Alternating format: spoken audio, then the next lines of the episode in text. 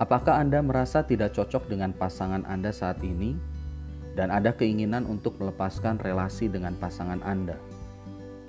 Apa yang harus Anda lakukan? Temukan solusinya di podcast ini.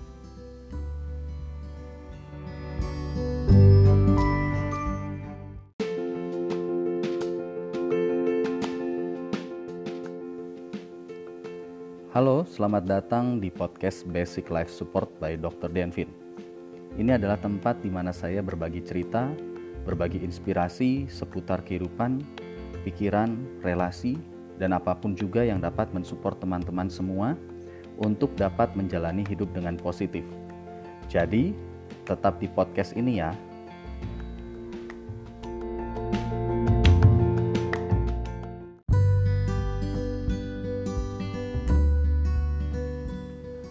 Kembali pada sebuah relasi. Sebenarnya apa sih yang Anda cari dari sebuah relasi? Relasi yang bagaimana atau pasangan seperti apa yang Anda inginkan? Tentunya Anda sendiri yang bisa menjawabnya.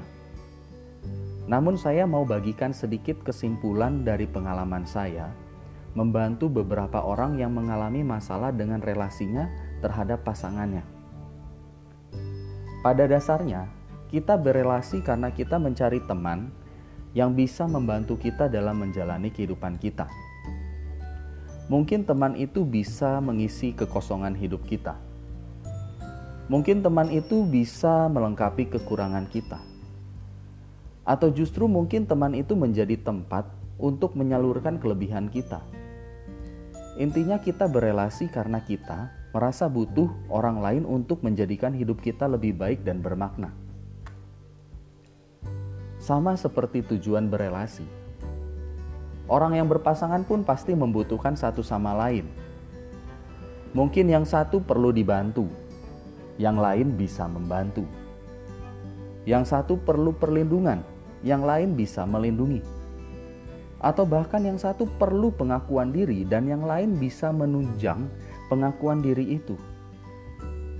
Intinya ada timbal balik satu sama lain yang saling membutuhkan dan saling mengisi kekurangan. Karena adanya rasa saling ketergantungan ini, maka relasi pasangan suami istri perlu dipandang sebagai relasi yang berbentuk mitra atau partner.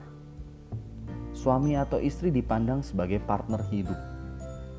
Dan dalam halnya bermitra atau berpartner, setiap orang perlu memperlakukan pasangannya secara sepadan dengan dirinya Sepadan artinya memiliki kedudukan yang sama. Tidak ada yang merasa kedudukannya lebih tinggi dibanding yang lain. Pasangan Anda adalah mitra, bukan bos ataupun pembantu Anda. Inilah dasar awal untuk membangun relasi yang baik dan bisa bertahan lama. Mindset ini penting sebagai dasar awal Anda untuk membangun relasi Anda. Namun sekarang timbul pertanyaan baru. Kalau kita sudah memiliki mindset pasangan kita adalah partner hidup kita, apakah sudah bisa menjamin relasi kita bertahan lama, awet, sampai seterusnya? Kenapa ada pasangan yang sudah menikah bertahun-tahun, tapi akhirnya merasa tidak cocok? Apa mereka tidak tahu dari awal kalau mereka tidak cocok? Atau karena ada masalah terus merasa menjadi tidak cocok? Jawabannya adalah karena mempunyai mindset partnership dalam berpasangan saja tidak cukup. Mindset perlu diwujudkan dengan tindakan. Namun, mindset ini wajib Anda miliki sebelum Anda bertindak. Kalau Anda sudah memiliki mindset relasi yang benar, ada dua tindakan penting yang harus Anda lakukan agar relasi Anda bisa awet dan bertahan lama. Dua hal penting tersebut, dua tindakan penting tersebut adalah komitmen dan toleransi. Komitmen adalah kesadaran penuh untuk bertanggung jawab, menjaga dan mengembangkan relasi yang ada. Karena percaya pasangan kita adalah orang yang baik dan tepat bagi kita. Contoh dari komitmen, misalnya bagi seorang suami yang berjanji akan menafkahi istri, tentunya akan memilih untuk rajin bekerja dibandingkan bermain video game. Itu komitmen seorang suami. Atau bagi seorang istri yang berjanji untuk setia merawat suami, tentunya akan memilih belajar memasak dibandingkan bergosip dengan tetangga. Komitmen ini bisa apa saja. Bisa berupa kesetiaan terhadap pasangan, bisa berupa janji yang selalu dipegang dan ditepati, bisa juga berupa usaha yang terbaik untuk melayani pasangan. Apa pun komitmennya, lakukan. Dan yang kedua, tindakan yang kedua adalah toleransi. Toleransi adalah kesadaran penuh untuk menerima dan memaklumi adanya sedikit kekurangan dibandingkan banyaknya kelebihan yang ada dari pasangan kita. Contohnya, jika suami Anda orangnya jujur, rajin, pekerja keras, namun memiliki kebiasaan lamban dalam bergerak. Sebagai istri, Anda belajar untuk bisa menerima dan toleransi terhadap kekurangan suami Anda tersebut. Atau jika istri Anda adalah istri yang penyayang, cerdas, pintar dalam bekerja, namun ia memiliki kemampuan yang kurang dalam memasak.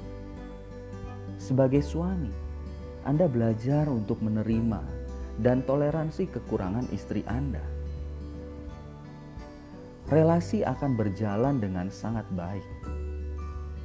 Kalau kita bisa memberikan toleransi pada pasangan kita, ingat dan lihat, pasangan Anda pasti memiliki kekurangan.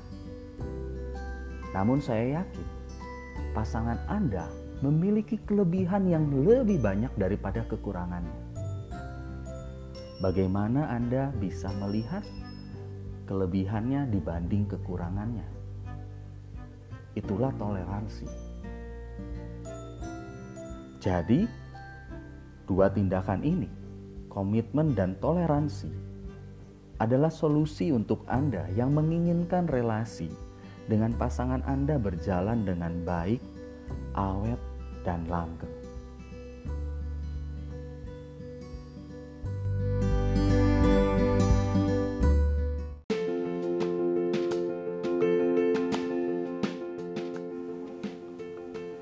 Oke, semoga bisa memberikan inspirasi.